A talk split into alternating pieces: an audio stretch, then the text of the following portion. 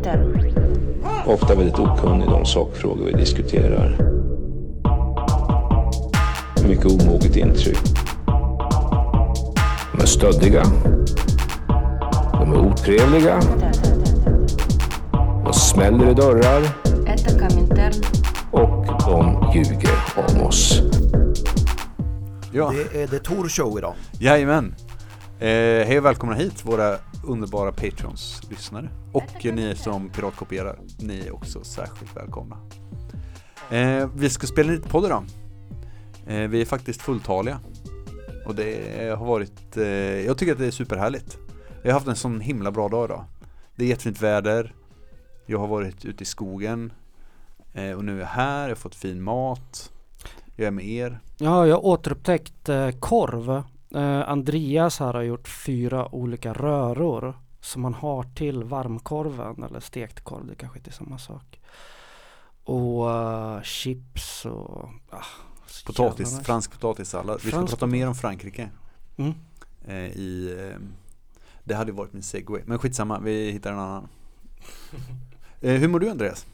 Eh, Det är bra med mig tack. The secret is in the sauce, som jag brukar säga. Eh, Jag ska börja med att be om ursäkt för att jag har begått en lång och utdragen rasism. Men först så tänker jag att eh, Ace Rataxes Ja, ja, jag mår bra.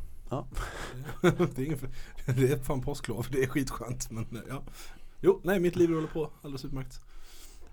Berätta om din eh, rasism, din no-growth, din... Eh, Ni kommer inte tro era öron. Har ni, precis som jag, noterat att det har varit stökigt på Korsika? Ja. Nej, Eh, eh, lite grann. jag har fördjupat mig lite grann i det här faktiskt. Ja, ja. Det handlar om en korsikansk nationalist och frihetshjälte va?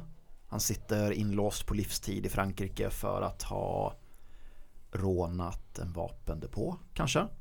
Något i den stilen. Eller satt kanske man ska säga. Just det, därför att nu är han död. Läste du vad han gjorde? Hur han blev dödad? Nej. Nej. Eller han blev väl mördad? Eh, ja, han blev mördad och huruvida det var franska statens fel eller inte det kan man ju bara spekulera i. Men han ska ha sagt kränkande saker om profeten Mohammed framför en muslim på, det, på gymmet. Och då fick han, som man förr eller senare får, en hantel i huvudet. det är många som har, eh, som har varit nära, nära den, nu den här senaste veckan. Eh, jag tänker inte att vi ska prata så mycket om honom, men då har det varit stökigt på Korsika, eller hur? Gaspar, kan inte du fylla i vad är det som har hänt? Ja, alltså, det verkar som att eh, eh, när han dog så kickstartades en slumrande nationell befrielserörelse igång igen. De har hållit på och bombat och sprängt och skjutit och levt rövare där sen fucking 1700-talet. Är det inte någon eh, svensk, eh, finns det inte någon Sverigekoppling till det här också? Det är det säkert. Att eh, de typ, ja men bombade Bilds hus För att de bara, vi ska inte ha hit en massa euro, fastlandseuropeer Ja men de har, framförallt så har de väl bombat eh, folk som vill göra om det till någon slags Ibiza, alltså turistparadis. Men ja, i vilket fall, de har slapp, eller de har inte, de, de har varit, det har varit lite inslumrande, det har väl säkert varit vapenvila sedan mitten av 90-talet eller någonting. Eh, men eh, de kickade igång igen med, i och med att den här personen dog och det har varit eh, ja, mycket kravaller och stök. Jag tittar på kravallvideos på internet Som så- man ju gör som man ju gör. Och så upptäcker jag den korsikanska flaggan. Vet ni hur den ser ut? Ingen aning Det är ett huvud va, med, en, med något slags pannband. Exakt. Nej, det är den sardinska flaggan Ah, men vi kommer in på det här. Ja. Därför att jag insåg att den här flaggan har jag en relation till. Eftersom det är samma eller en likadan flagga som på Sardinien. Och när jag gick i gymnasiet så hade jag en, en god vän, en bästa kompis. Som reste till Sardinien och med sig tillbaka hade en väldigt, väldigt fräck hoodie till mig. En svart hoodie och sen så ett rött kors och sen så fyra stycken huvuden med pannband. Jag har alltid trott att det är fru Justitia. Ni vet rättvisans gudinna. Nej, det är det inte. Det är väl, handlar väl om någon invasion Ja, ja, ja, jag fattar att du kan tro det ja. Du är med mig eller hur? Ja, hon jag har för- någonting för ögonen. Ja, hon har något för ögonen, Hon hon, har ett båg. huvud och det, det finns minst två likheter. Exakt. Eh, väldigt, väldigt fräck hoodie tyckte jag. Det blev min favorittröja. Jag hade den en, långt efter att den egentligen var för liten eftersom den var så oerhört bekväm. Eh, så jag läste på lite om symbolen på den här flaggan. Det är inte fru Justitia. Nej Nej. Vill ni berätta vad det är? Jag, jag ska berätta vad, olik, vad ett, ett hardcoreband på Sardinien har berättat för mig vad det är för någonting. Eh, som heter Gold Kids. Och, eh, för jag har bevistat Sardinien vid ett antal tillfällen. För att hälsa på sagda, sagda hardcoreband. Eh, men eh, jag tror att det har att göra med en invasion från förmodligen från eh, Nordafrika. Eh, och där de slogs så hårt för att eh, försvara Sardinien så att pannbanden gled ner för ögonen. De inte kunde se. Mm. Det var en väldigt snäll version du har fått berättat för dig av den sardinska hardcore-killen. Ja, Eh, invasion eller utrensning, oavsett vilket ord vi väljer, så är det alltså ett avhugget moriskt huvud. mm. okej. Det ska symbolisera frihetskampen ifrån eh, morerna. Nu slänger jag mig med ett ord som, jag vet inte, för mig känns det inte laddat. Är det laddat? Mor. Är man i Spanien är det absolut laddat. Är man i Sicilien så är det 100% laddat, ja. Precis. Är man Kevin Costners Robin Hood, då är det inte alls laddat. Men vadå, det är någon slags, vad, vad medeltida europeer eh, klump, kallar det nordafrikaner i klumpsumma. Typ. Eh, Jag Eller? tror att morerna faktiskt var en slags, eh, alltså jag tror inte, man ska inte kalla det folkgrupp men en, en kultur. Morisk kultur liksom. Som idag används eh, nedvärderande mot eh, nordafrikanska flyktingar. Så säger man moros. Just det. Eh, Undrar om, om eh, tolken också var en del i den här rasismen och eh, jobbade med Moria. Det finns väl inte mycket rasism tolken inte på. han, men he, he, dabbled i så anti-afrikansk rasism. Jajamän, förlåt. Ja, jag har i alla fall gått runt i gott och väl 15 år med fyra stycken avhuggna då moriska huvuden på mina kläder. Eh, på massvis av politiska mötesplatser, demonstrationer, antirasistiska sammanhang. Och ingen har någonsin gränsat dig. Ingen har någonsin sagt någonting om vad jag tyckte var en oerhört fräck hoodie. Det, det är väldigt stark rasism där, känner jag. Det är starkt, det är lång och utdragen rasism framförallt. Och nu kommer vi till den, den knepiga frågan, själva kärnan i mitt dilemma här. Jag har accepterat att jag har gått runt och gjort rasism. Till slut accepterade jag att jag blev för stor för den här tröjan. Då gav du bort den till Ja. någon mindre kamrat. Lämnade den hos min dåvarande flickvän. Mm. Så hon sitter hemma med en sån, eh, vad heter det, medeltidsvariant av screwdriver fodral. Eh, Hon älskade den. Sannolikt sitter hon i detta nu och påskmyser. I den rasistiska hoodien. Ser ni mitt dilemma här? Hör man av sig? Bryter man åratal av tystnad för att upplysa om att man har lämnat något Ja, väldigt, alltså väldigt nu har, du ju, nu har du ju gjort det per, eh, liksom per sändning, så att säga. Ska, är vi överens om att det räcker? Vi är överens om att det räcker. jag, Om hon inte lyssnar på podden, om hon inte, lyssnar på, om hon inte är Patreon så är hon ingenting värd ändå. men det finns också någon sån här fin naivitet i det, det här att, så här att om man inte ser, eh, om man inte ser eh, eh, raser så finns inte rasism. Och att man kan gå runt med den. Man är liksom den här eh, liberala arketypen av att bara se människan bakom hudfärgen eller vad det nu är. Jag är bara emot just specifikt de här fyra morden. Invasionen var okej men de här fyra jävlarna alltså. De, Precis.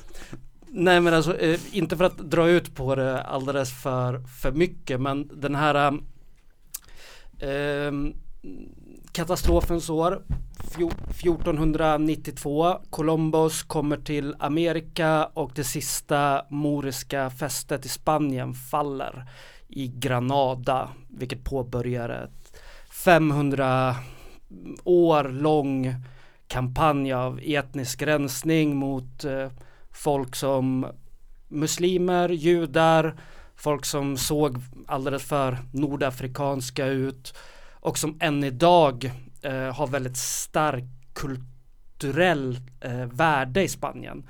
Det vill säga att man har en viss dag om året längs sydkusten där på Medelhavet.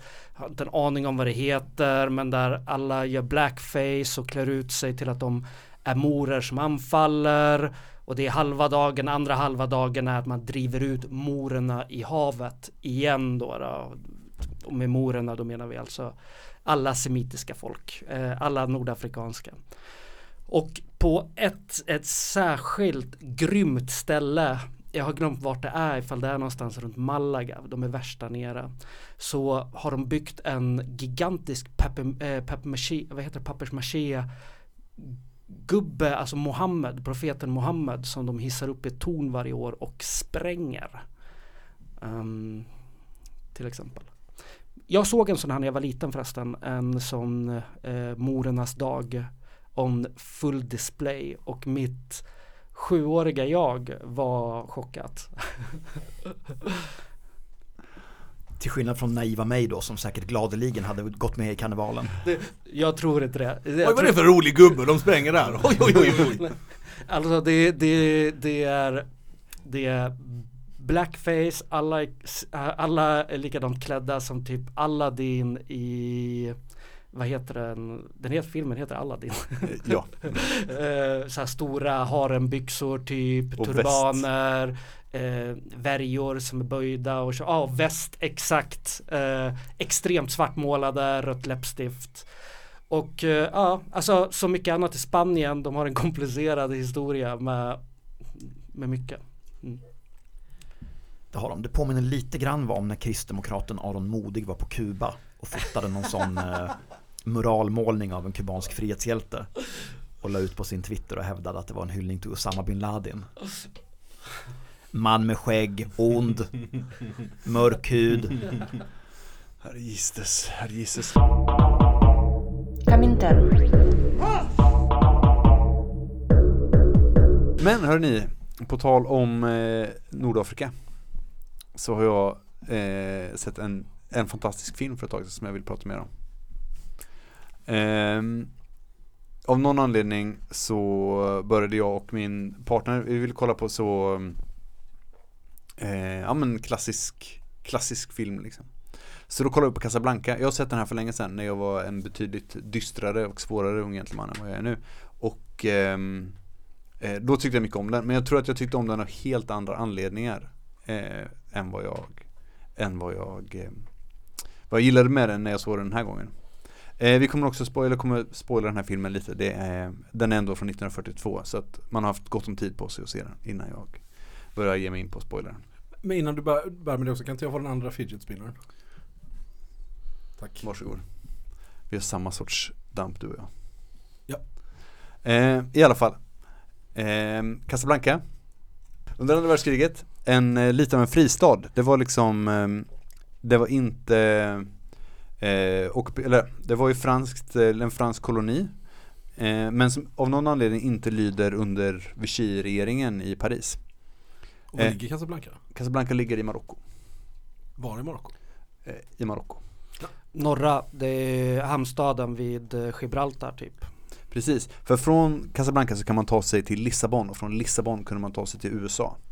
Så att Casablanca är liksom en, en sån riktigt härlig palmbeprydd eh, plats för olika desperados som behöver ta, som behöver lämna Europa för att ta sig vidare. Som av olika anledningar inte var skitsugna på den tyska ockupationen. Precis. Och, ehm, och en, liksom en, en otrolig mängd olika skurkar och bedragare och, och det här är jag är ganska säker på att eh, Mos Eisley från Star Wars är, är byggt på den här eh, eh, ja, på Casablanca från den här filmen.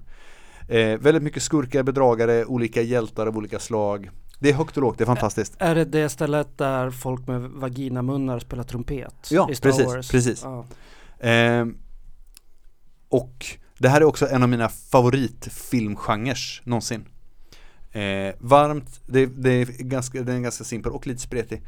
Det är varmt land, eller varmt ställe där man har varit väldigt, väldigt hotad och jagad. Men nu är ganska safe. Eh, så det är Casablanca. Det är den här scenen på skolan i Blood Diamond om ni minns den. Och eh, det är Fast and Furious 5. Så de är i samma genre nu, från och med nu, bara så att alla är, är med på det. Den nakna lunchen comes to mind. Den nakna lunchen, absolut, måste se, inte sett. Tintin kommer också upp förut. Tin- Tintin och Blå Lotus. Ehm, men i alla fall, i den här eh, filmen, en av filmens två huvudkaraktärer är ju Rick som saknar efternamn tror jag. Han har varit superduper rock'n'roll. Han är frivillig från eh, spanska inbördeskriget och han har eh, smugglat vapen till eh, ehm, Marocko för att de ska kunna bekämpa den fascistiska eh, invasionen i början, eller slutet på 30-talet. Ehm, så han har varit en sån jävla, ett sånt jävla badass. Nu, inte så mycket. Nu är han mest en tråkig, sur jävel som sitter och behandlar folk jävligt dåligt på sin vinbar som han har. Fast få skulle kalla honom för tråkig va? Han har ju det mest pulserande mötesplatsen för olika tjuvar och desperados i Casablanca. Det har han, men han själv är pisstråkig. Han, det enda han gör är att han behandlar olika kvinnor dåligt, han är dryg mot folk, Han är pure business. han är pure business och han är så jävla sur hela tiden. Får jag bara komma in med en, en fundering här? Är inte Casablanca en spansk koloni? Nej, det är fransk i den här filmen i alla fall. Okej. Jag vet inte varför eh, det har ett spanskt namn. Det är säkert äldre. Det har säkert varit lite Jag tror hela Marocko typ var spanskt, jag vet inte. Det känns som att det här är ett område som har eh, bytt, bytt händer vid olika tillfällen. Mycket möjligt, mycket möjligt. I alla fall, han sitter på sin vinbar, han har en kompis som spelar piano. Eh, som heter Sam. Ehm, in på deras vinbar efter lite så här att han visar, nej, förlåt mig, jag måste backa. Någon hjälte mördar två tyska nazister, pang pang. Och snor deras utresetillstånd. Och alla som ska ta sig till Lissabon måste ha ett, utrese, ett tyskt utresetillstånd från tyskarna. Oklart varför. I alla fall, det här är all the rage, alla pratar om det här utresetillståndet. In på vinbaren stiger Alltså vita dukens sexigaste man någonsin. Om ni inte tror mig så får ni se filmen, det, det är sant. Eh, det är då Victor Laszlo som är en eh, han är eh, Tredje rikets mest efterlyste man. Precis, han har precis rymt från koncentrationsläger, så antifascistisk hjälte. Alla pratar om honom. Superbra. Eh, han dyker upp där, eh, bara så, bara pleasantries och klass. Han är sån jävla klassig high class kille. Dyker upp säger hej hej, jag skulle behöva ha det här utresetillståndet. Ehm, Rick säger eh, det kan du glömma för att varför ska jag ge det till dig? Han har med sig sin fru Hans fru visar sig ha en viss eh, koppling till Rick sen innan. Spelad av Ingrid Bergman. Precis. Hon heter Ilsa. Det är inte samma person som Ilsa She-Wolf of the SS. Eller Ilsa mm, som också är någon sovjetisk karaktär. Men nu har jag glömt Tiger of the någonting. KGB kanske? Eller liknande. Ja, en annan eh, person med koppling till andra världskriget som också heter Ilse. Skitsamma. Eh, hon är någon sorts eh, norsk antifascist som är, är gift med Viktor. De kommer in, hon börjar prata med Sam för de känner varandra sedan tidigare.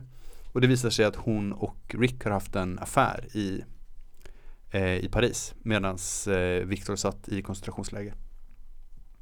Och det är det här, det är här som jag tycker att det är så himla att Viktors karaktär blir så extremt om en så här charmig och, och liksom eh, en sån jävla good guy.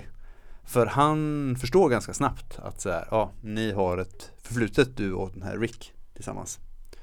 Eh, och så här, ja men jag vet att, jag vet att du var ensam när jag satt i koncentrationsläger. Han är helt, alltså han är helt förstående för sin frus affär när hon, är, när han bara säger, ja nej men Alltså jag satt i, jag skulle bli mördad liksom. Det var inte, det är inte konstigt att du Att du trodde att jag var död. Eller att du bara var ensam och träffade någon. Det är verkligen inte, inte märkligt. Och han är så himla fin. Han är en sån himla så här. Han är en sån himla, en sån jävla gentleman. Bara trevlig och behaglig mot alla, extremt modig. Han smiter iväg på något möte. Eh, och är liksom så här, ja men bara en väldigt modig ödmjuk, trevlig, omtänksam person och förstående. Han har typ alla, han är min nya manliga förebild. Han har typ alla så fina karaktärsdrag som jag kan tänka mig. Är han krallig? Nej, men det var ingen på 40-talet. Det är sant. Ingen var krallig men alla var ändå lite kralliga. Ja men precis, alla var hyggligt vältränade. Alla åt spenat. Det är typ det.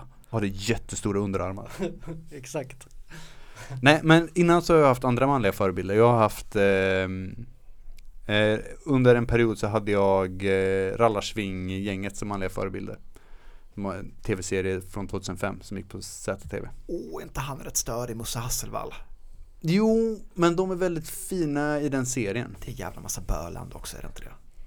Nu låter jag toxisk här, men Ja, inte i serien. I serien tyckte jag de var jättefina. Det här är också runt 2000 Det är de två uh, kampsportspojkarna va? Mm, precis. Musse och Andreas. De hade jag som manliga förebilder under en period. Nu har jag Viktor Laszlo som manlig förebild. Han är den, och jag vet att han inte finns på riktigt, jara, jara, jara, men han är ändå den, den, eh, ja men den perfekta mannen. god förebild tycker jag att det låter som. Jag tänker till ditt försvar, idealiserade bilder av personer finns aldrig på riktigt. Vare sig de är verkliga personer eller på vita duken. Finns det något du vill att man ska ta med sig från filmen?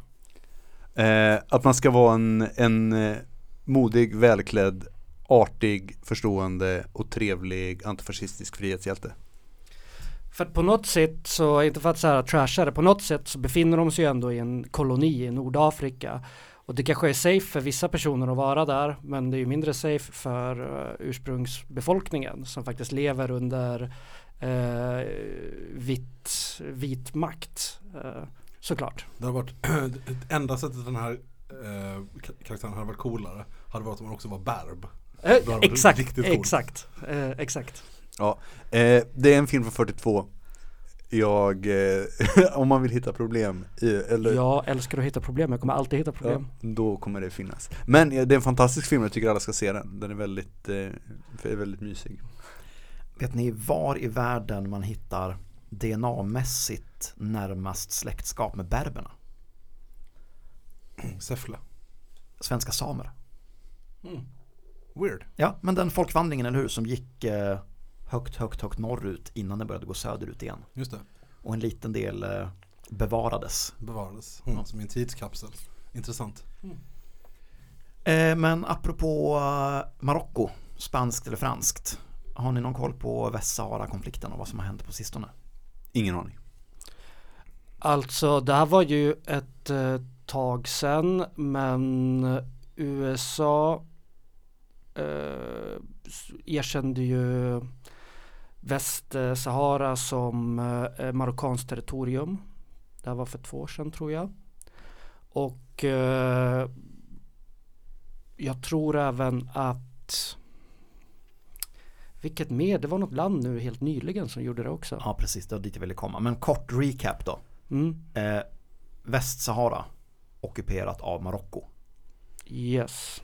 Ehm, allierade med grannlandet Algeriet ser gärna ett självständigt Västsahara. Exakt. Eh, och Spanien har också länge arbetat för ett självständigt Västsahara. Mhm. Men har nu tvärvänt här under våren. Ja, det är fan Spanien. Det är den här Mycket jävla Spanien posören. idag, alltså. Det är den här jävla posören. Den här äh, jävla socialdemokraten som skulle komma in och vara den här vänsterräddaren. Men han är bara, han är bara ett jävla skämt alltså. Ja, det är bara bullshit såklart. Eh, för vad är det Marocko har som Spanien så gärna vill ha? Att de är beredda att sälja ut det västsahariska folket. Olja, säkert. Vi var inne på det här när vi talade om Italiens relationer till Gaddafi tidigare under säsongen. Snygga brudar. Väldigt classic kläder. Möjligheten att kontrollera flyktingflödet från Nordafrika. Mm. Eh, om man, på tal om, eh, på tal om eh, Algeriet och eh, svartvit film så tycker jag också att man ska titta på Slaget om Alger. Den är väldigt bra. Den enda franska filmen som varken explicit eller implicit handlar om pedofili. Det är helt sant. Det, det är säkert sant. Det är sant. Jag frågar mig, ni kan säga, kasta vilken film ni vill på mig. Jag kan bevisa hur den handlar om eh, en eh, eh, normalisering av eh, flicka-man Vet relation. vet du vad det sjuka är? Trion från Belleville. Det, det, först, det, första jag tänkte, det första jag tänkte säga var eh, Leon. Och sen kom jag på, ett, det är inte en fransk film. Två, det är en film som Absolut. explicit handlar om förhållandet mellan ett barn och en man. Så, ja, okej. Ja, nej okej, med, den, eh, med det testet, du har rätt.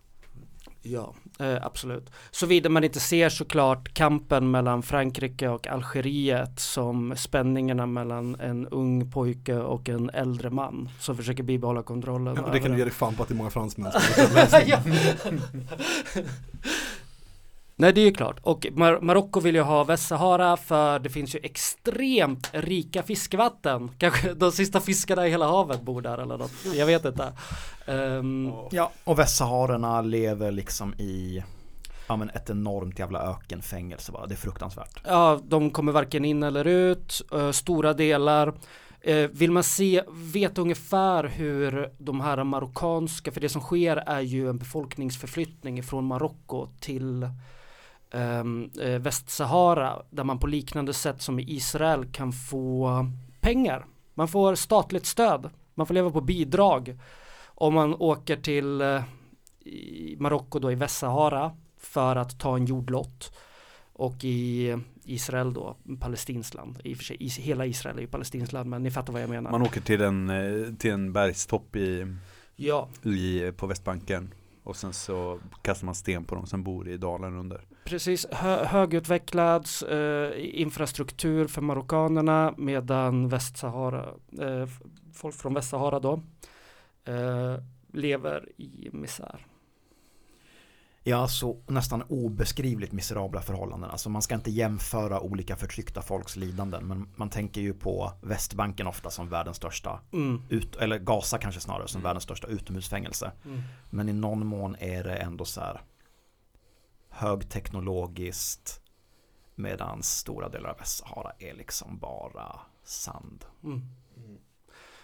Mm. Absolut. Eh, Men det är därför, det är därför eh, Israel var så jäkla tidiga ute eh, med att erkänna marockansk överhöghet i Västsahara för att det implicerar ju att man får styra över de ockuperade områdena och annektera Golanhöjderna och sånt. Så de har ju värsta bästisrelationen.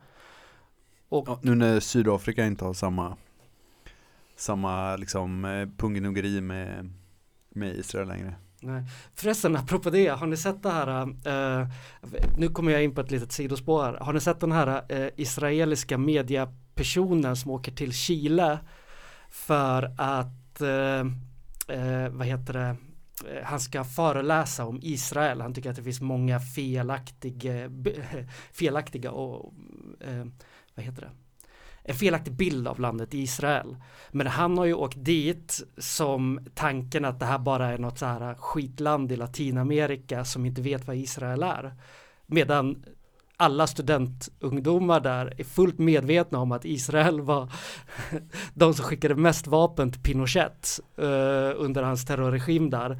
Och han möts på varenda skola, burop, folk som uh, sjunger Palestina-ramsor och jag har haft en sån, alltså det är så jävla roligt, det är som en sån, ehm, det är som en eh, social media slapstick. Där han liksom bara snubblar in i ett rum av folk som är så här klädda i palestinasjalar och sen råkar springa in i en, i en glasruta som två personer bär över vägen och, och så, så, så, snubblar rätt in i något sånt här PLO-möte och Och is, eh, chilenarna har ju också träffat israeler, eller hur?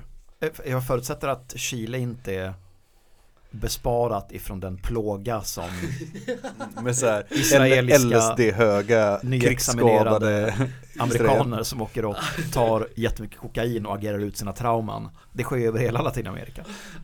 Jajamensan. Det skulle förvåna mig om det inte var det. I vissa länder så är det ju svårare. Jag vet att i Bolivia så har det blivit skitsvårt för israeler att få visum till exempel. Och det har ingenting med liksom vad Israel är för kulturell identitet utan med att eh, eh, Bolivias folk är solidariska med den palestinska kampen. Jag trodde det också det bara var att de hade fått slut på olika, olika kockshuvuden med PTSD. Och nära till våld. Ja, nej. Comintern. Hörni, apropå antipedofilkultur. Hur går det med Geowatch, Tor? Ja, eh, jag är nu inne på bok tre av eh, serien om eh, Carl Jan Gösta Gilbert Hamilton Geo.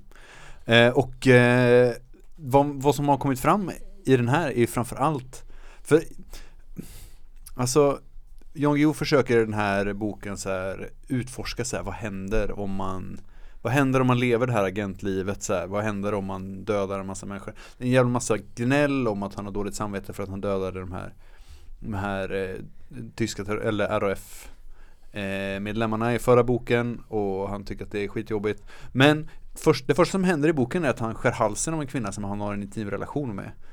Inte ett pip. Hela boken. Och sen så när han väl bara, ja men jag mördade någon i väl i början av boken. Fan, nu måste jag nu måste jag liksom, eh, det är en moralisk fråga det här. Inte ett ljud om att han har några samvetskval inför det här. Nej, utan han mest konstaterar sig att han inte kan ha nära relationer, eller hur? Ja precis, det, Det är så inte. helt business-like. Han bara, ja, och sen så råkar det bli så, ja tråkigt. Ja nej men det, det är ju, så är det någon som övertalar honom om att, ja nej men det är rikets intresse att hon, eh, att du inte får något straff för det. Du får bete dig hur du vill. Typ. Men det, det i sig kanske säger någonting som är ännu djupare en typ eh, om, om vad som händer om man är en person som dödar väldigt många personer. För eh, ena vägen att gå är ju att man ska bli traumatiserad eller vad det nu är. Den andra vägen som jag väljer att tillskriva Guillou här, det är att det enda sättet man kan tänka på eh, sin, sin historia som mördare är att intellektualisera kring den. Man har Mm. stängt av alla känslomässiga dörrar. Det finns ingenting mer. Och det är därför som man kan döda en person som man har en intim relation med. Varsågod Guillou. Det är också det här förresten som nya eh, James Bond-rebooten försökte göra med Casino Royale, Ja, men Royale precis, tror jag. precis. Det är så jävla tröttsamt. Ja.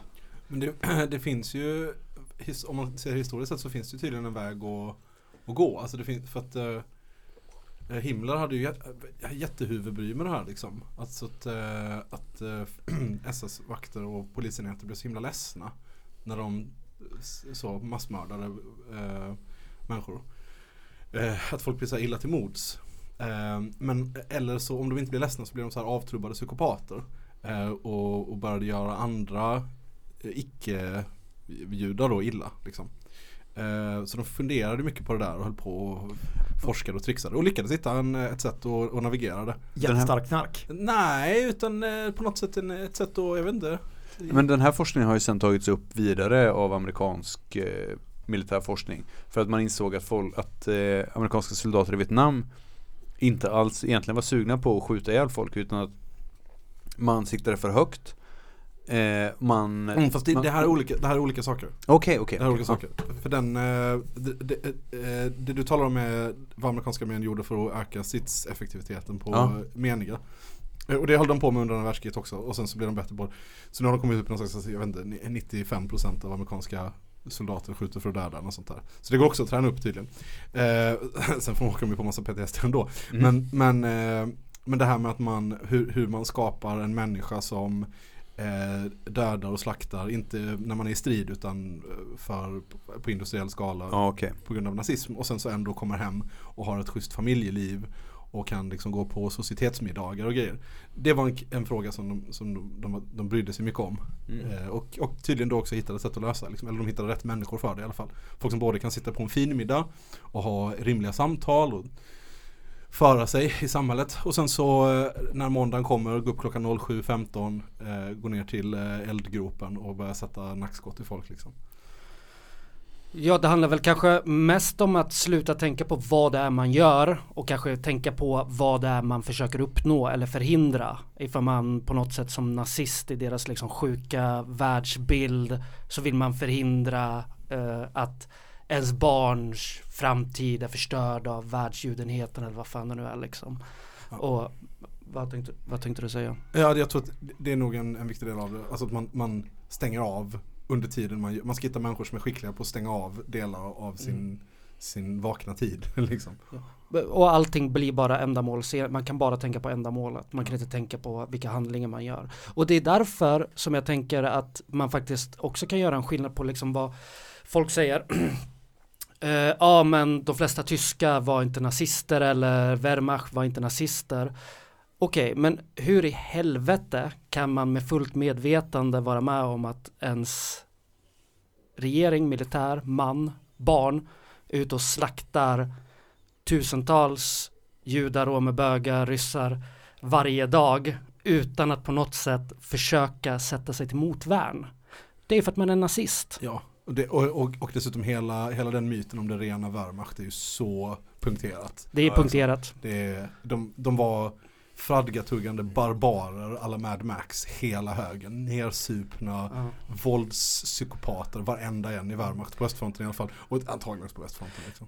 Det är jätteintressant för att i, eh, det var efter, samtidigt som man höll, eh, vad heter de rättegångarna där man dödade Nürnberg. äh, Nürnberg-rättegångarna, där man för övrigt bara dödade 12 stycken nazister, jag tror jag pratade om det här innan, så höll man ju liknande rättegångar i Sovjet. Och under de här äh, rättegångarna i Sovjet så kom allt det här fram. Man intervjuade överlevare i Litauen, Estland, Ukraina som berättade om vilka förband som hade varit inblandade, vilka alltså, alltså soldater, inte SS-förband, som varit inblandade i vilka man pekade ut ansvariga som man hade sett eller som man kände till. Eh, allt det här blottläggdes på en gång.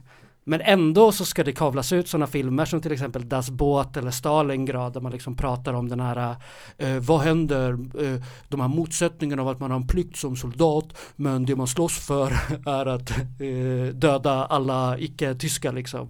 Eh, alltså sådana skitmoraliska, vad heter det, moralisk filosofi A frågor som är helt meningslösa. Ja, som har en superlätt, eh, som har en superlätt lösning också. Alltså det finns ju de här jättekända bilderna på eh, en bildserie på tre bilder tror jag på en, på en Wehrmachtssoldat som slänger sitt vapen och går och ställer sig bland de som ska avrättas istället.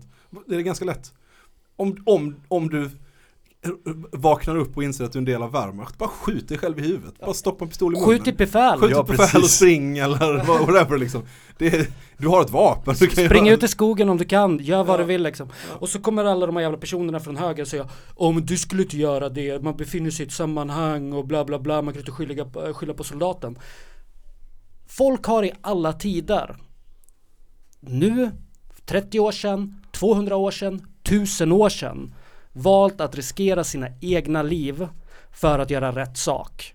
Så är det. Och, och det här gäller ju bara för, det här, det där argumentet från höger, det gäller ju bara för onda människor. För så fort, om man så här, så fort någon gör ett annat val, eh, att man till exempel tvingas in i att, att jobba i en svart ekonomi till exempel, eller en icke-sanktionerad ekonomi, eller typ eh, kastar sten på snuten. Då är det inte så här, man fungerar, man finns i ett sammanhang, jada jada. Utan då är det så bara, nej de här har valt det här, de här är hemska människor. Skjut skarpt.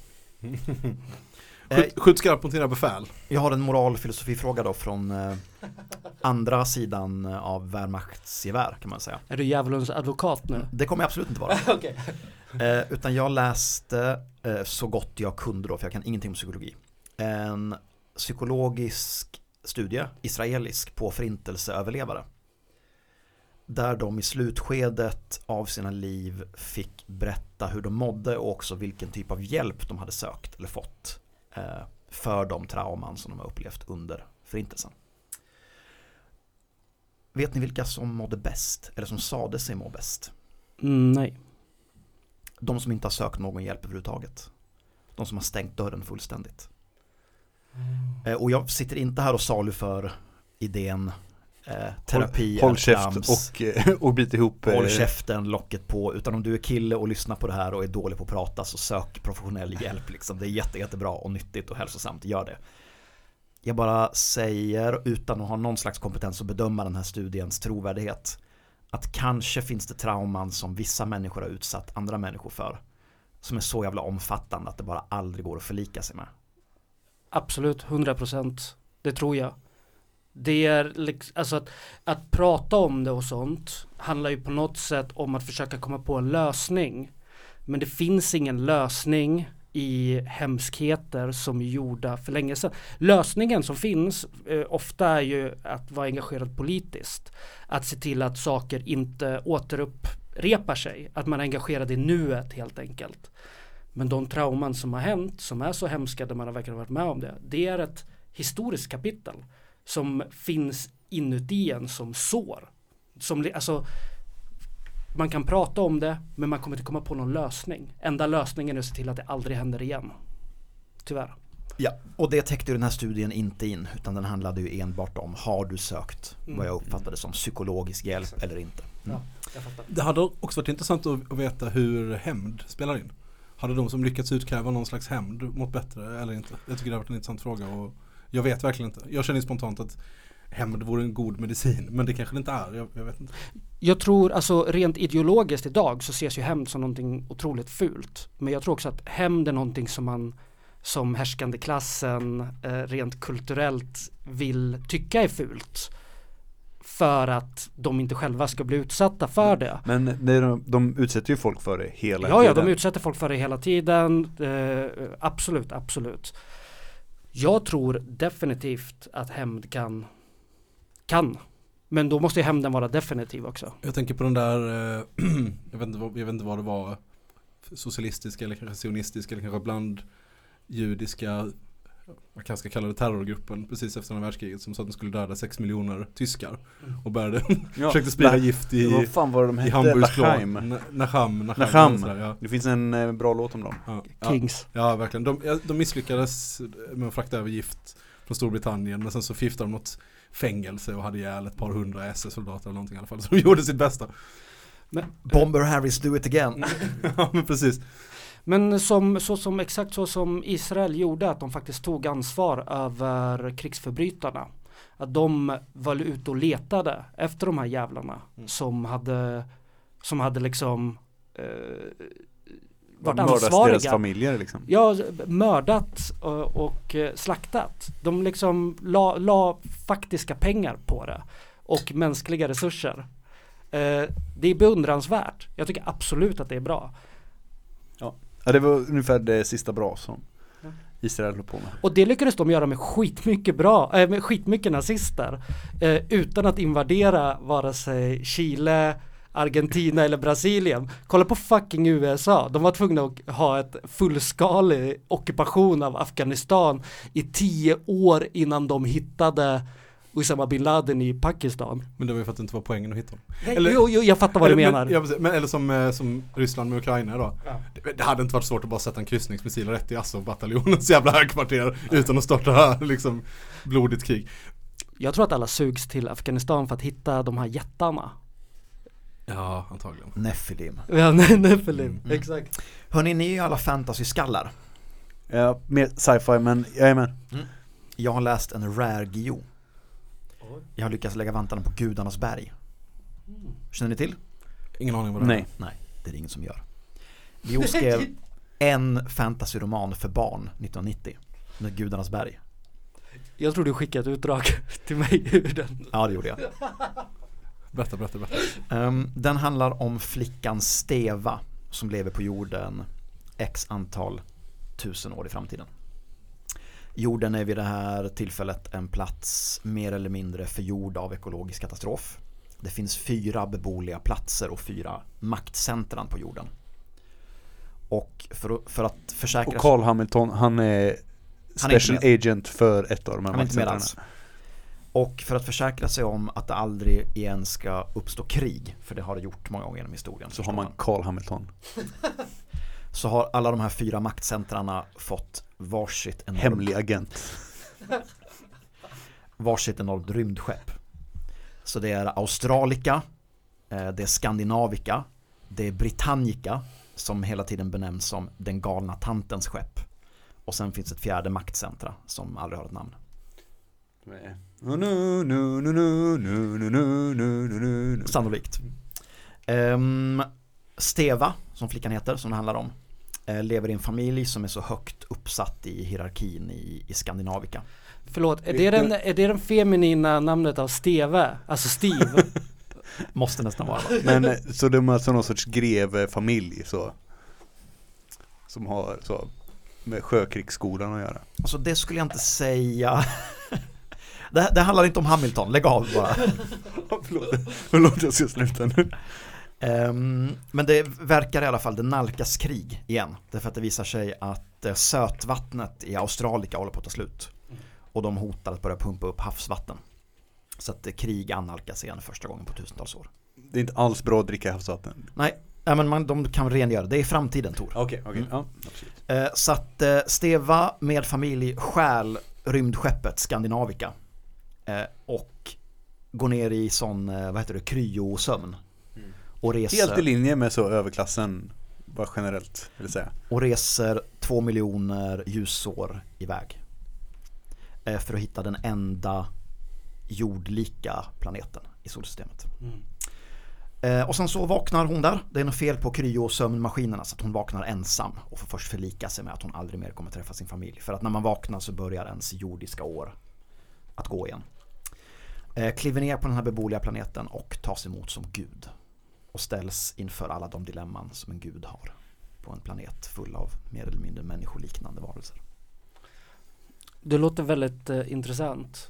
Var, var det liksom eh, Vart, eh, vad sa du att det var? Australika? Britannica, Britannia. Skandinavia, Skandinavica. Ah. Det fanns typ inget Afrika eller? Gjorde det inte. Nej. Det motiverar Guillou väldigt tidigt i boken. Aha. med att berätta att alla de svarta har dött i en ekologisk katastrof. Mm. Bra sätt att inte behöva skriva svarta karaktärer är bara att konstatera att alla är döda. Ja, alla är vita i framtiden.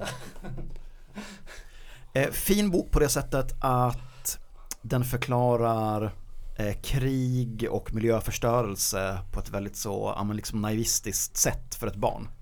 Tänk er vad dumma vi var för några tusen år sedan. Eh, dålig bok på det sättet, den är ganska illa skriven. Det förekommer viss, ibland helt öppen och ibland mer dold rasism. Och Men- det märks att Guillou har tröttnat efter halva för att sen slutar den väldigt tvärt. Men jag måste fråga så här. Alltså, stevia. Eh, den här, eller steva, eller ja. Jag blandar ihop de här sötningsmedel. Steva. Steva. Eh, nu håller jag på att göra ett haschskämt också, men det är, eh, jag skiter i det. Jag släpper det. Eh, är hon bäst på allt? Hon är bara ett barn, hon är jättedålig. Jo, jo, nej men alltså det är ändå Guillou. Eh, nej, det är inte Guillou.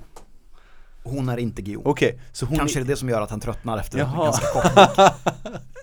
För jag tänker alla andra, jag har ändå läst ganska mycket Guillou-böcker vid det här laget. Och då är ju hjälten är ju alltid bäst på precis allting. Mm. Och skurken är också ganska ofta bäst på nästan allting, men de är egentligen kompisar. Ja, men här finns heller ingen skurk. Det är bara mänsklig dumhet och ondska som är fienden. Den vi, är bäst. Vi, vi själva är våra egna skurkar. Etc. Jag, Jag såg att de tröttnade på det här. Jag såg någon sci-fi film rätt nyligen. Helt nyproducerad. Uh, vad fan heter den? Greenland uh, med Gerard Butler. Där det kommer en komet till jorden. Och hela filmen handlar om att man måste ta sig till typ Grönland. Är man i USA så måste man ta sig till Grönland och man väljs ut. Det är bara vissa personer som får åka dit. Bla bla bla. För att det är enda sättet man kommer överleva den här eh, massutdöendet. Och då i slutet så är det en sån grej då, då när de kliver ut, kometen har kraschat, några tusen amerikaner har överlevt. Så får man höra så här radiokommunikationer i bakgrunden där den här basen tar kontakt med andra baser i världen så att man får veta att det är fler som har överlevt. Då är det typ exakt samma sak. Det är typ så här, uh, this is Europe one, uh, we're still alive and good. Och så är det typ så här, this is Australia, we're, we're good. Så this is South America, we are good.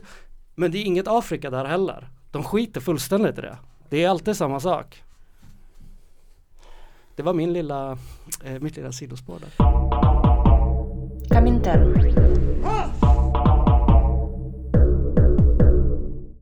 Så är det, så är det. Eh, vi kommer inte undan att prata om eh, påskkravallerna va? Nej, det gör vi inte. I vilken ände ska vi börja? Jag vill börja med den här eh, artikeln från GP. Som handlar om kravallerna i Linköping. Skäggetorp. Jag tänker till och med att innan vi kan säga det så börjar det bara Fan vad synd att ingen satte en sten i plytet på den danske jävla pedofilen. Ja, verkligen.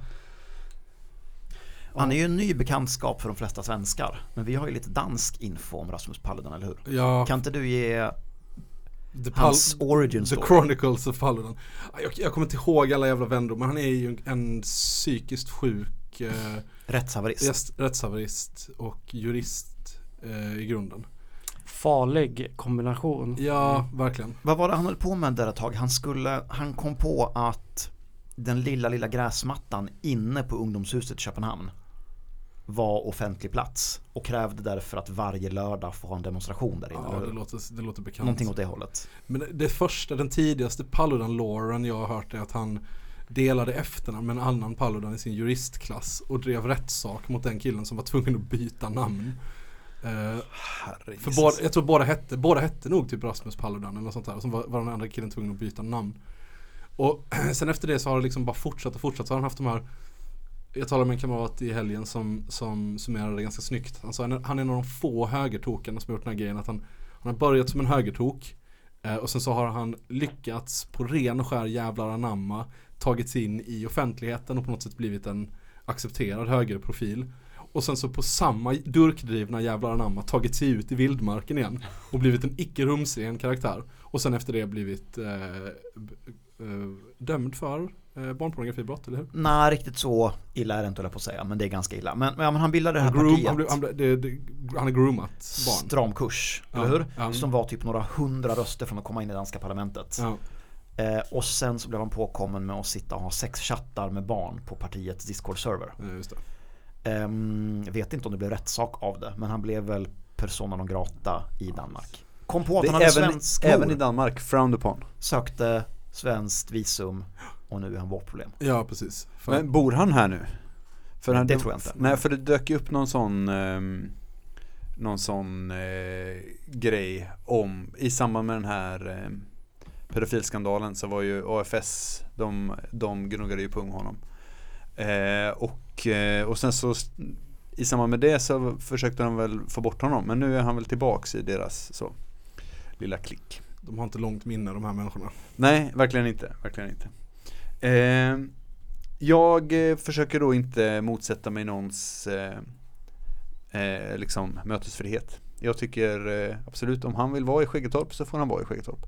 Vad jag inte tycker är att eh, polisen ska vara där.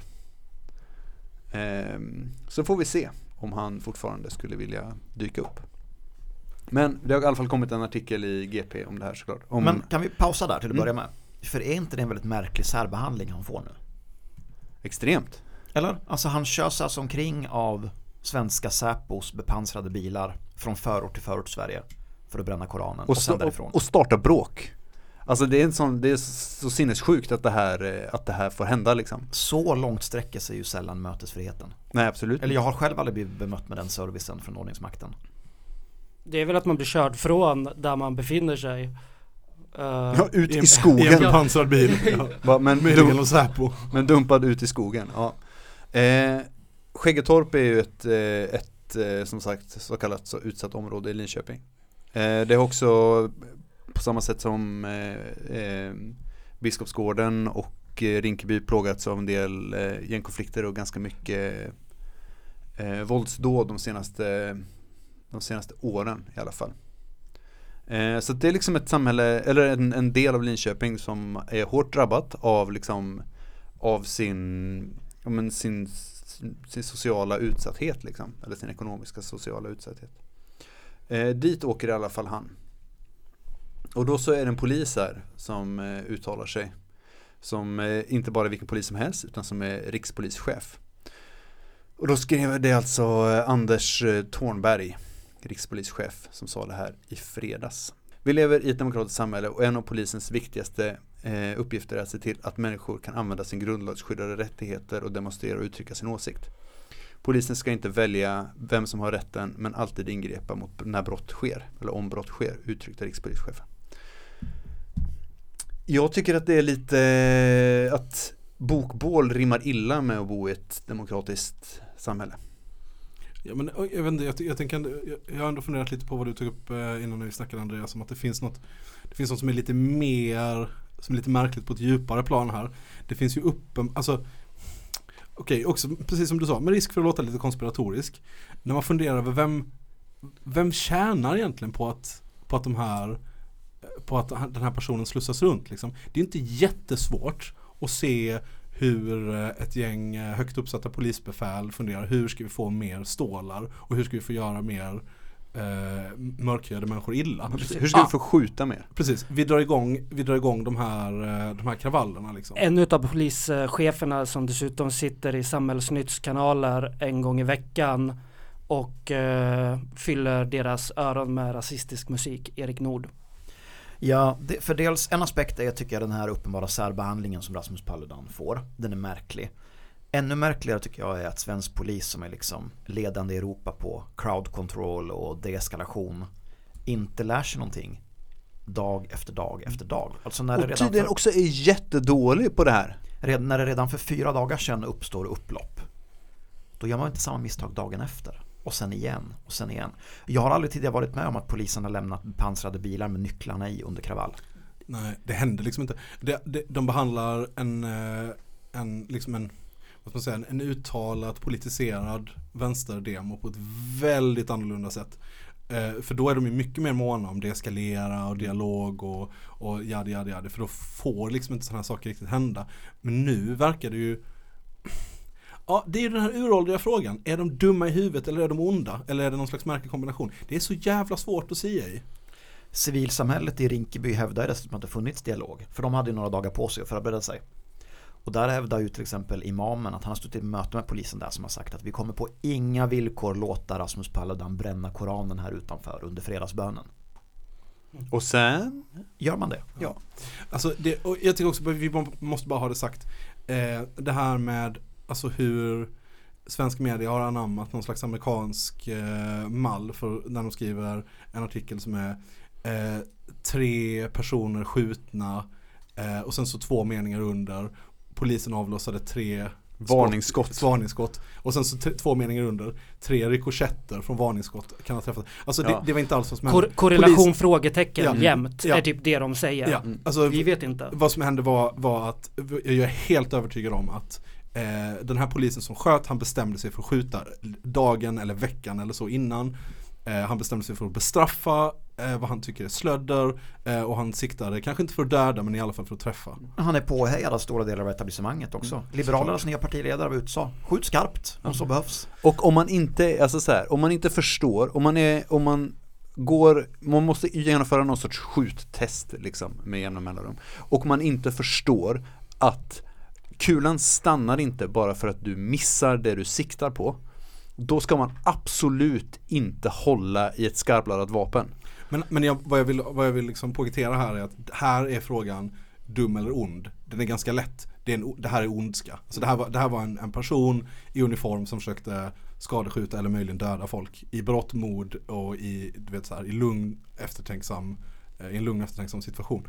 Eh, jag väntar bara på att de ska eh, lägga på när det här sen blir en rättssak, vilket det garanterat kommer att bli. Kommer de lägga på eh, Ice Fire Dry fast eh, en annan variant utav det. Nej jag tänker att de bara kommer lägga på samma ljudklipp från EU-topp som de använde förra gången. Mm. Säkert, och sen så kommer, är det sannolikt att de här personerna som blir skjutna också kommer få sitta i fängelse? Absolut, absolut att de kommer få göra det. Det var- de är fucked. Det är fullständigt jävla rättslösa människor. De sitter Ja, redan anhållna. De Det- kommer aldrig... Det var en kamrat som skrev om det på Twitter, en tråd som jag tyckte var väldigt bra som handlade just nu om, om likheterna mellan Göteborg och nu. Och likheterna är att polisen har avfyrat sitt vapen mot, in i en folkmassa och träffat någon. De har skjutit ihjäl Och vi pratar någon. inte De har ens en kravall skjuta med tiotusentals personer. Vi pratar några hundra. Ja, de, har, de har försökt att skjuta ihjäl en person. Det enda sättet polisen kommer kunna rättfärdiga det här nu i efterhand, det är att måla upp allting mycket, mycket värre än vad det faktiskt var.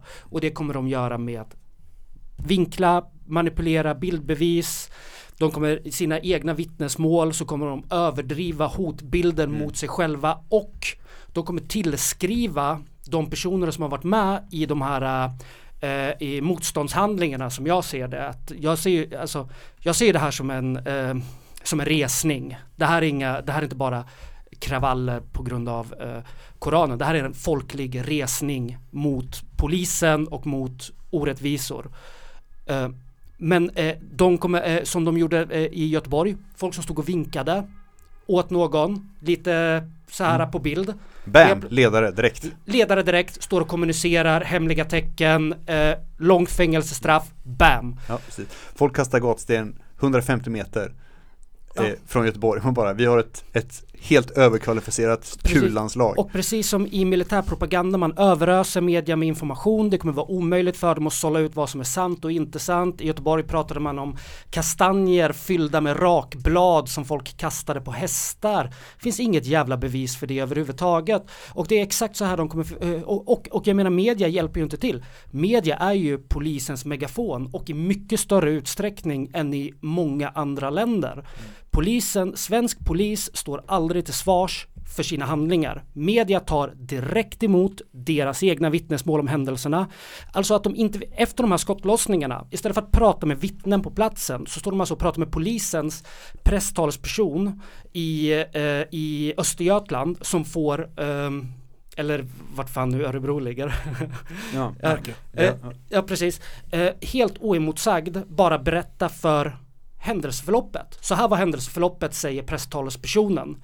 Men hur kan vi veta det? De är gärningspersoner här. Ja, ja precis. De, nej, har, de håller i pistolen som ryker. Och de är också, de, de eh, ljuger helt sanslöst ogenerat.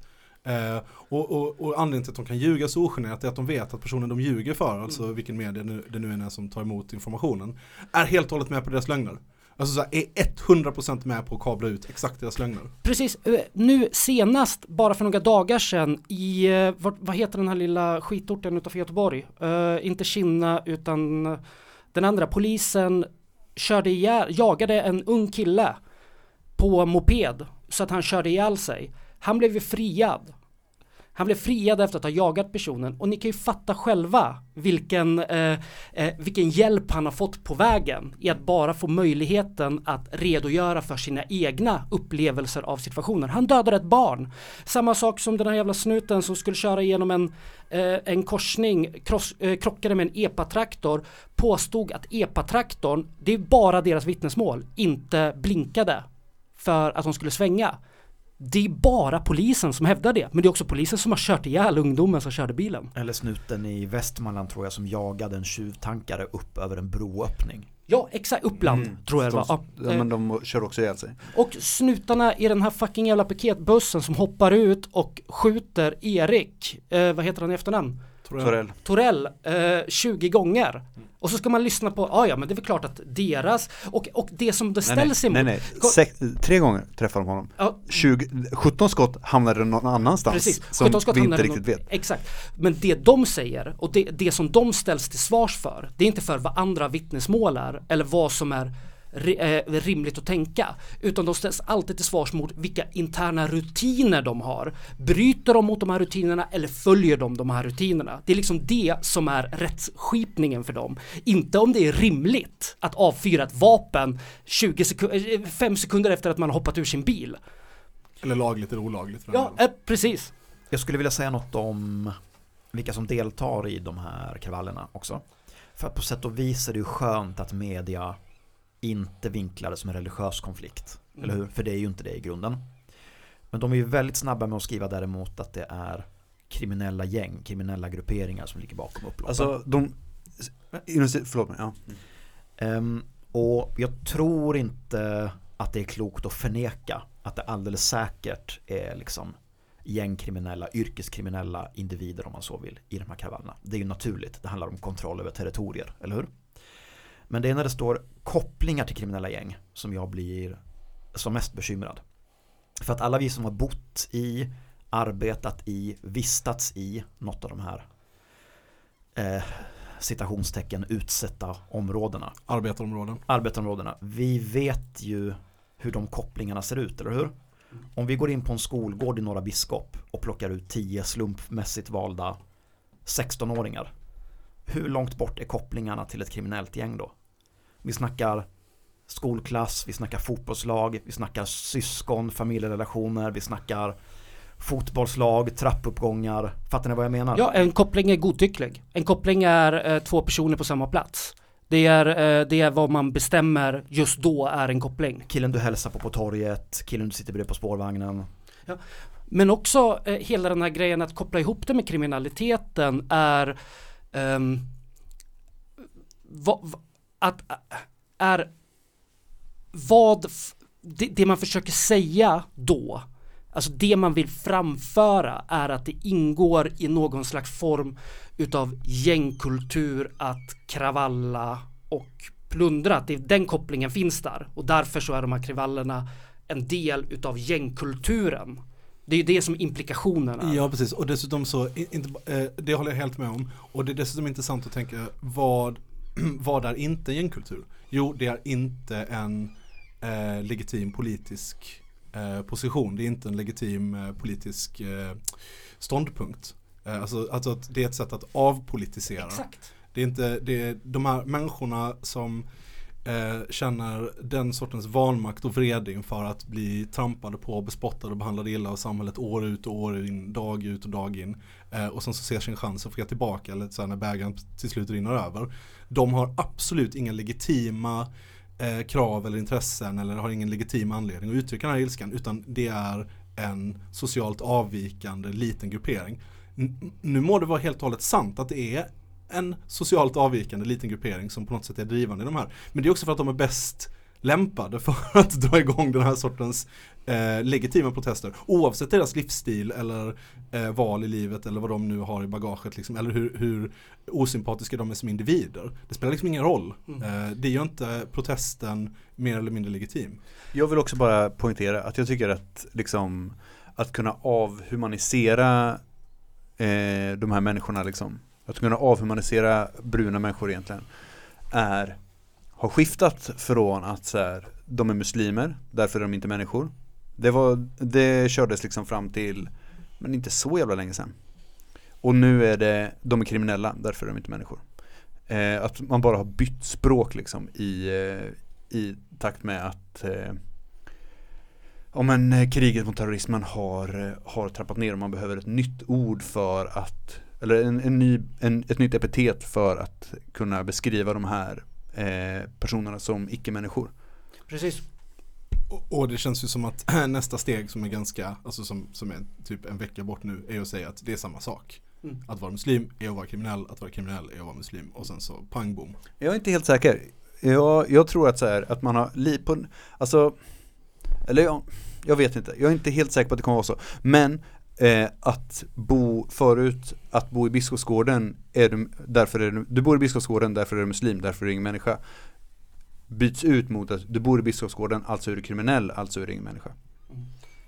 Jag vet inte om det behöver finnas några motsättningar utan jag tror definitivt att man kan eh, och om polisen vill så kan de säga att det finns ett samband mellan eh, muslimer som kommer till Sverige och kriminalitet. Det skulle de kunna säga och media skulle kunna kabla ut det. Absolut. Eh, istället för att säga att människor som lever i social misär eh, eh, hamnar lättare i kriminalitet. Absolut, bor du i Skäggetorp, Rinkeby eller Rosengård nu spelar det ingen roll vilken tro eller sysselsättning du har om dagarna. Du är fucked ändå. Nu är du dömd. Absolut. Bara liksom är, det här är ju liksom de nya tyska terroristerna på sätt och vis. Vi ska inte dra för många paralleller. EU-toppmötet var annorlunda såklart. Eh, det, var, det, eh, det var bara på en enda plats. Eh, det finns massa olikheter.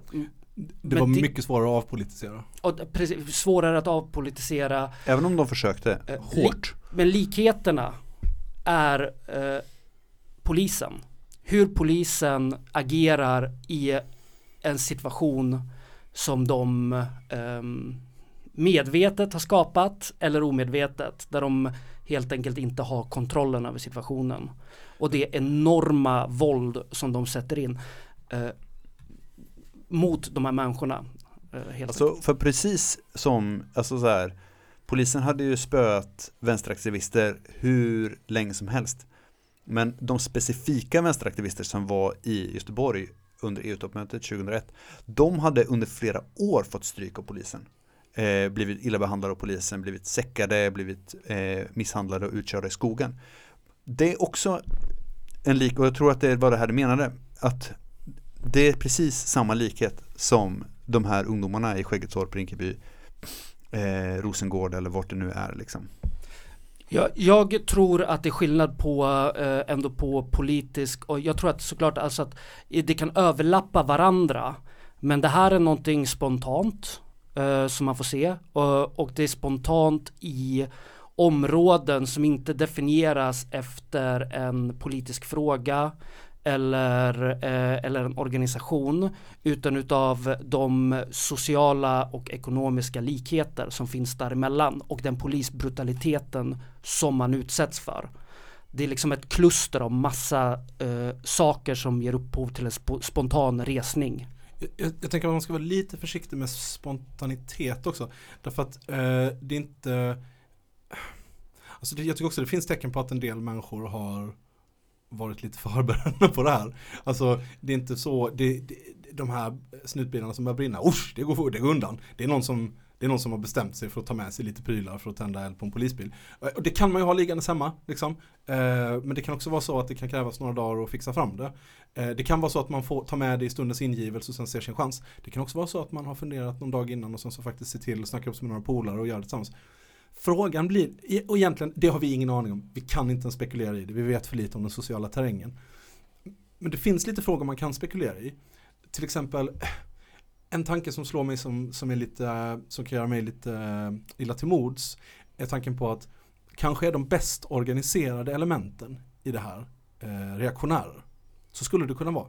Alltså det kan, det kan ju vara alltså, eh, religiösa grupper med alltså muslimsk radikala eh, eller islamister helt enkelt som gör det här. Det är möjligt. Liksom. Vi vet inte riktigt, vi har inte tillgång till den sociala terrängen. Men återigen kommer jag tillbaka till poängen att det spelar ingen jävla roll. Det är inte det som är det viktiga. Det är inte 150 eller 200 islamister. Alltså det spelar liksom ingen roll. Eh, de allra flesta människorna där är vanliga arbetarungdomar som är less och trött på att bli utsatta för polisvåld och slår tillbaka. Och sen så om, för nu kan man ge sig fan på att det kommer kablas ut i media. Så fort de hittar typ så när de gör husrannsakan hos någon av de här stackars människorna så de kommer, ju, kommer det komma en, en sån terrorvåg av. Om de hittar liksom ens en tillstymmelsen till en koran hemma hos någon av dem så kommer de vara så här bara nu jävlar, där kommer vi. Skitsamma, spelar ingen roll. Det är ändå, det är inte det som är det intressanta här. Jag har svårt att se att många av de här eh, ungdomarna är renläriga muslimer. Det, det, jag får inte den känslan.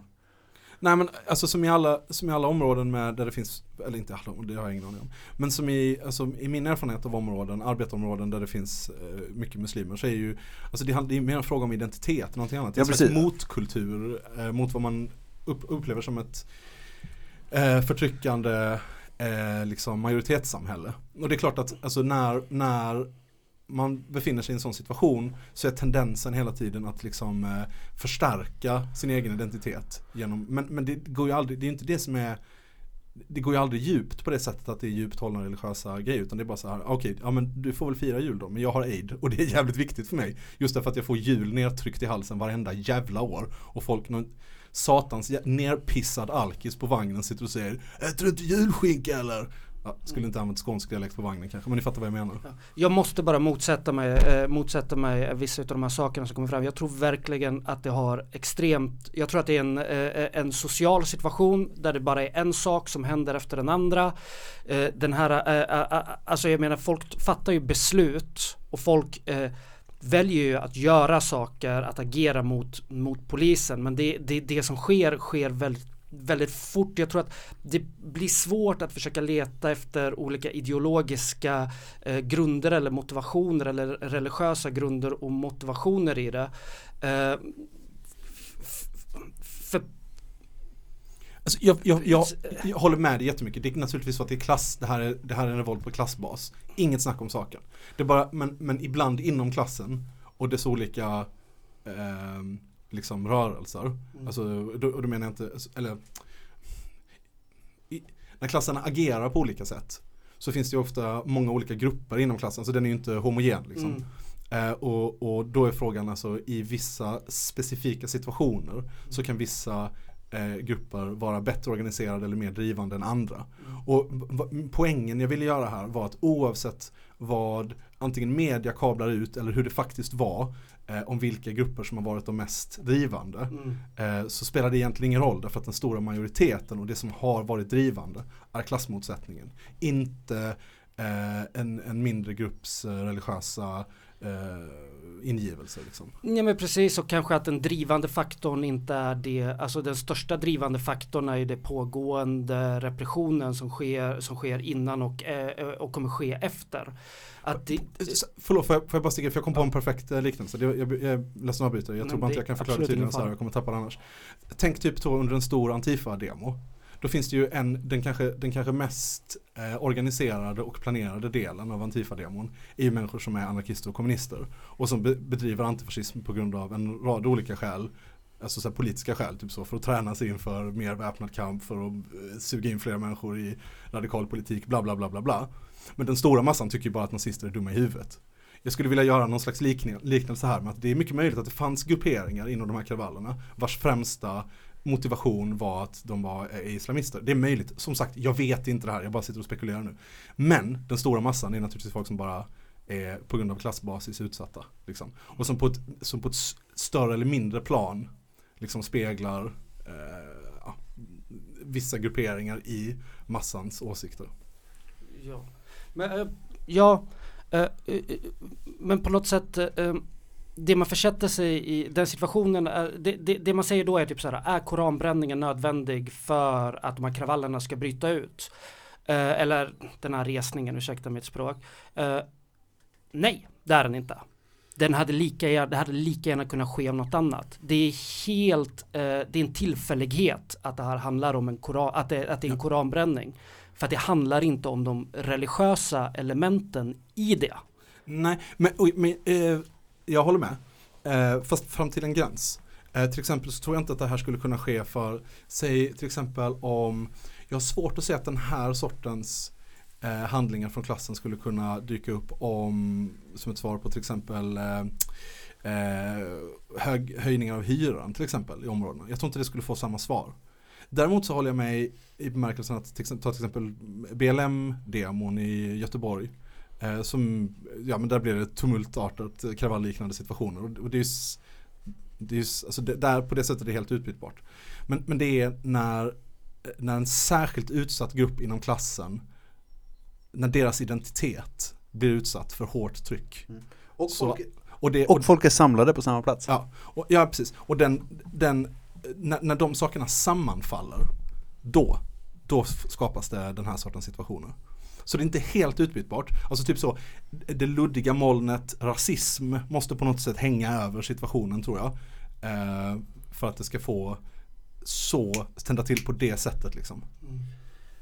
Ehm, jag tror vi har lyssnare som både tillhör tendensen Fan vad fett med kravall Det här är ett utmanande av våldsmonopolet Generalisera upproret och så vidare Och att vi har lyssnare som tycker så här hmm, en annan typ av stadsdelsorganisering är mer konstruktiv Jag kan ha förståelse för båda ehm, Men man kan inte förneka så stora grupper människor all värdighet, all likhet, all möjlighet all chans att yttra sig eller ta plats i offentligheten. Att ge, att eh, få ge uttryck för sina problem, åsikter. Och sen efteråt komma och säga att det här är inte en legitim protestform. Varje samhälle får exakt de ungdomar som de förtjänar. Och vart jag vill komma är, jag brukar vara försiktig med att säga åt folk vad de ska göra, men nu kommer jag säga vad man inte ska göra. Går man ut och på minsta vis fördömer det som händer nu, då är man en feg fjant. Man är en förrädare. Bara så att det vet, man är en förrädare helt enkelt. En sak som är slående med hela den här, med det här påsk, påskupproret eller vad man ska kalla det. Är, att, eh, är ju att eh, vänstern är helt, finns överhuvudtaget inte i den. Det, det, den, är, den är icke-existerande. Och, och återigen, med förbehåll för att vi var inte där i de här- situationerna, vi vet inte hur sammansättningen ser ut. Eh, det kan ha funnits kamrater som är inblandade på olika håll och olika sätt. Liksom. Vi har ingen aning. Ehm, men, men eh, liksom den, eh, Som synlig part i konflikten. precis som synlig part i konflikten, finns inte. Eh, det har inte kommunicerats några, liksom, några politiska krav på det sättet, eh, eller vänsterpolitiska krav på det sättet. Alltså ingenting sånt har funnits. Det, det, när vi pratar till exempel om USA, var lite inne på det innan, så är ju amerikanska högern väldigt, väldigt, det, det är exakt samma typ av retorik som, som drivs, där varenda eh, våldshandling från folk som protesterar mot egendom eller polis eh, ses som en illegitim eh, eh, protestform. Och det som de gör då där, det är att avkräva resten av samhället som befinner sig åt vänster eller i olika sociala grupper avkräva att de ska avsäga sig dessa element. Och vi kan aldrig försätta oss i en sån situation där de tror att de kan avkräva det utav oss. För oavsett vad det här är, och det kommer visa sig i historien, det är som franska revolutionen, ingen visste vad som hände då förrän eh, en tid efteråt. Liksom. Eh, så, eh, så är det här en normal reaktion i ett eh, hierarkiskt, kapitalistiskt, patriarkalt samhälle. Det är det. Det här är det mest normala sättet man kan reagera på när man åker på stryk och förtryck. Att bita ihop och vara ledsen och börja hata invandrare eller vad det nu är. Det är ett sjukt sätt att reagera på. Eh, vad upphetsat det blev. Eh, Och eh, vi sa lite emot varandra här tror jag. Så att eh, den lyssnare som sa att vi inte höll med varandra tillräckligt ofta, att vi alltid höll med varandra, kanske får lite godis. Det är inte sant. Eh, Ja, vi håller ju alltid med varandra för att vi har rätt. Ja, det är sant. Vi enas allt, vi harmoniseras. eh, vet ni vad jag har gjort i påsk? Ja, det vet ni. Jag har eh, korrläst eh, Den svarta jorden. 100, spe- 100 sidor rollspelsbok redo att skickas till tryckeri. Oh, det här visste inte jag. Du är sån jävla nu king är alltså. jag så jävla peppad. Ja, jag hade noll invändningar. Sjukt fett säger jag då som inte är rollspelsnörd. Har man inte gjort det än så backa bakåt och lyssna på våra tre rollspelsexperiment. Och sen så kommer väl skiten i tryck någon gång. Mm. Men vi, ja, vi hojtar väl till om det då. Kommer det bli någon sorts, vet du om det kommer bli någon sorts eh, crowdfunding-kampanj eller liknande för att kunna trycka det? Eller Vet kommer du, han bara trycka det själv? att han kommer trycka pröjsa det själv. Men förhoppningsvis så blir efterfrågan så stor att någon plockar upp det och gör fler vad heter det? Versioner? Nej, vad heter det? Upplagor. Mm. Mm. Vad händer med er härnäst hörni? Det kommer bli eh, sommar och det kommer bli höst. Vi kommer släppa ett par avsnitt till i den här säsongen och eh, försöka hålla er eh, tillfredsställda över sommaren också. Innan vi drar igång säsong 7, Säsong 6. 6 menar jag. Vi har ett konstigt säsongssystem till mitt försvar. Obegripligt. Så som bokstavsvänstern ska, ska vara. Okej, tack för att du eh, lyssnade. Tack så hemskt mycket. Ha det fint, hej. Test. B-Dog back up in the mix from the west. Some throw a dub, but we throwing up a fist. And a few things need to be addressed going down the list. Let's get this motherfucker cracking. Hard truth revolutionary back rapping. Back on the map, finna put the black back in and stop acting like the black movement is past tense. Real niggas understand. Return to the drop squad, recognize the brand. G-U-E-R, R-I double L. A-Funk coming out the A with that main funk.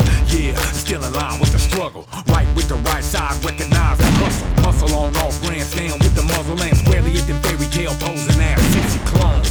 What kind of freak you got? Only one on that one time ass. Make 'em stop that Turner with the twin burner. 21 shots in my drawers. Red beam on a pig, make 'em pause. You can take it or leave it alone. Stay away from a soldier when he in the zone. Make way for a panther that's free to roam and creeping on all enemies until all his people moan. Say this, play this, spray this, can't evade this. Water shot,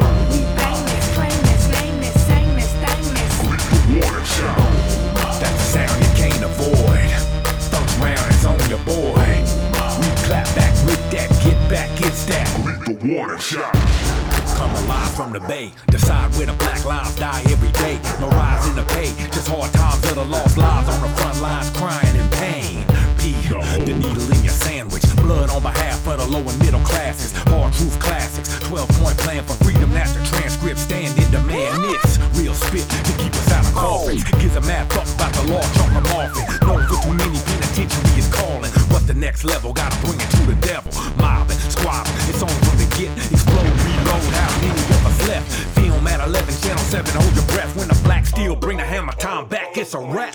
Nope, it's not the Occupy movement. Thanks, but no thanks. I already know the truth and was very well acquainted with the term revolution. Way before you waited for the price to drop and moved in. Repeat that, tweet that, P DOG back, freedom fighter relapse.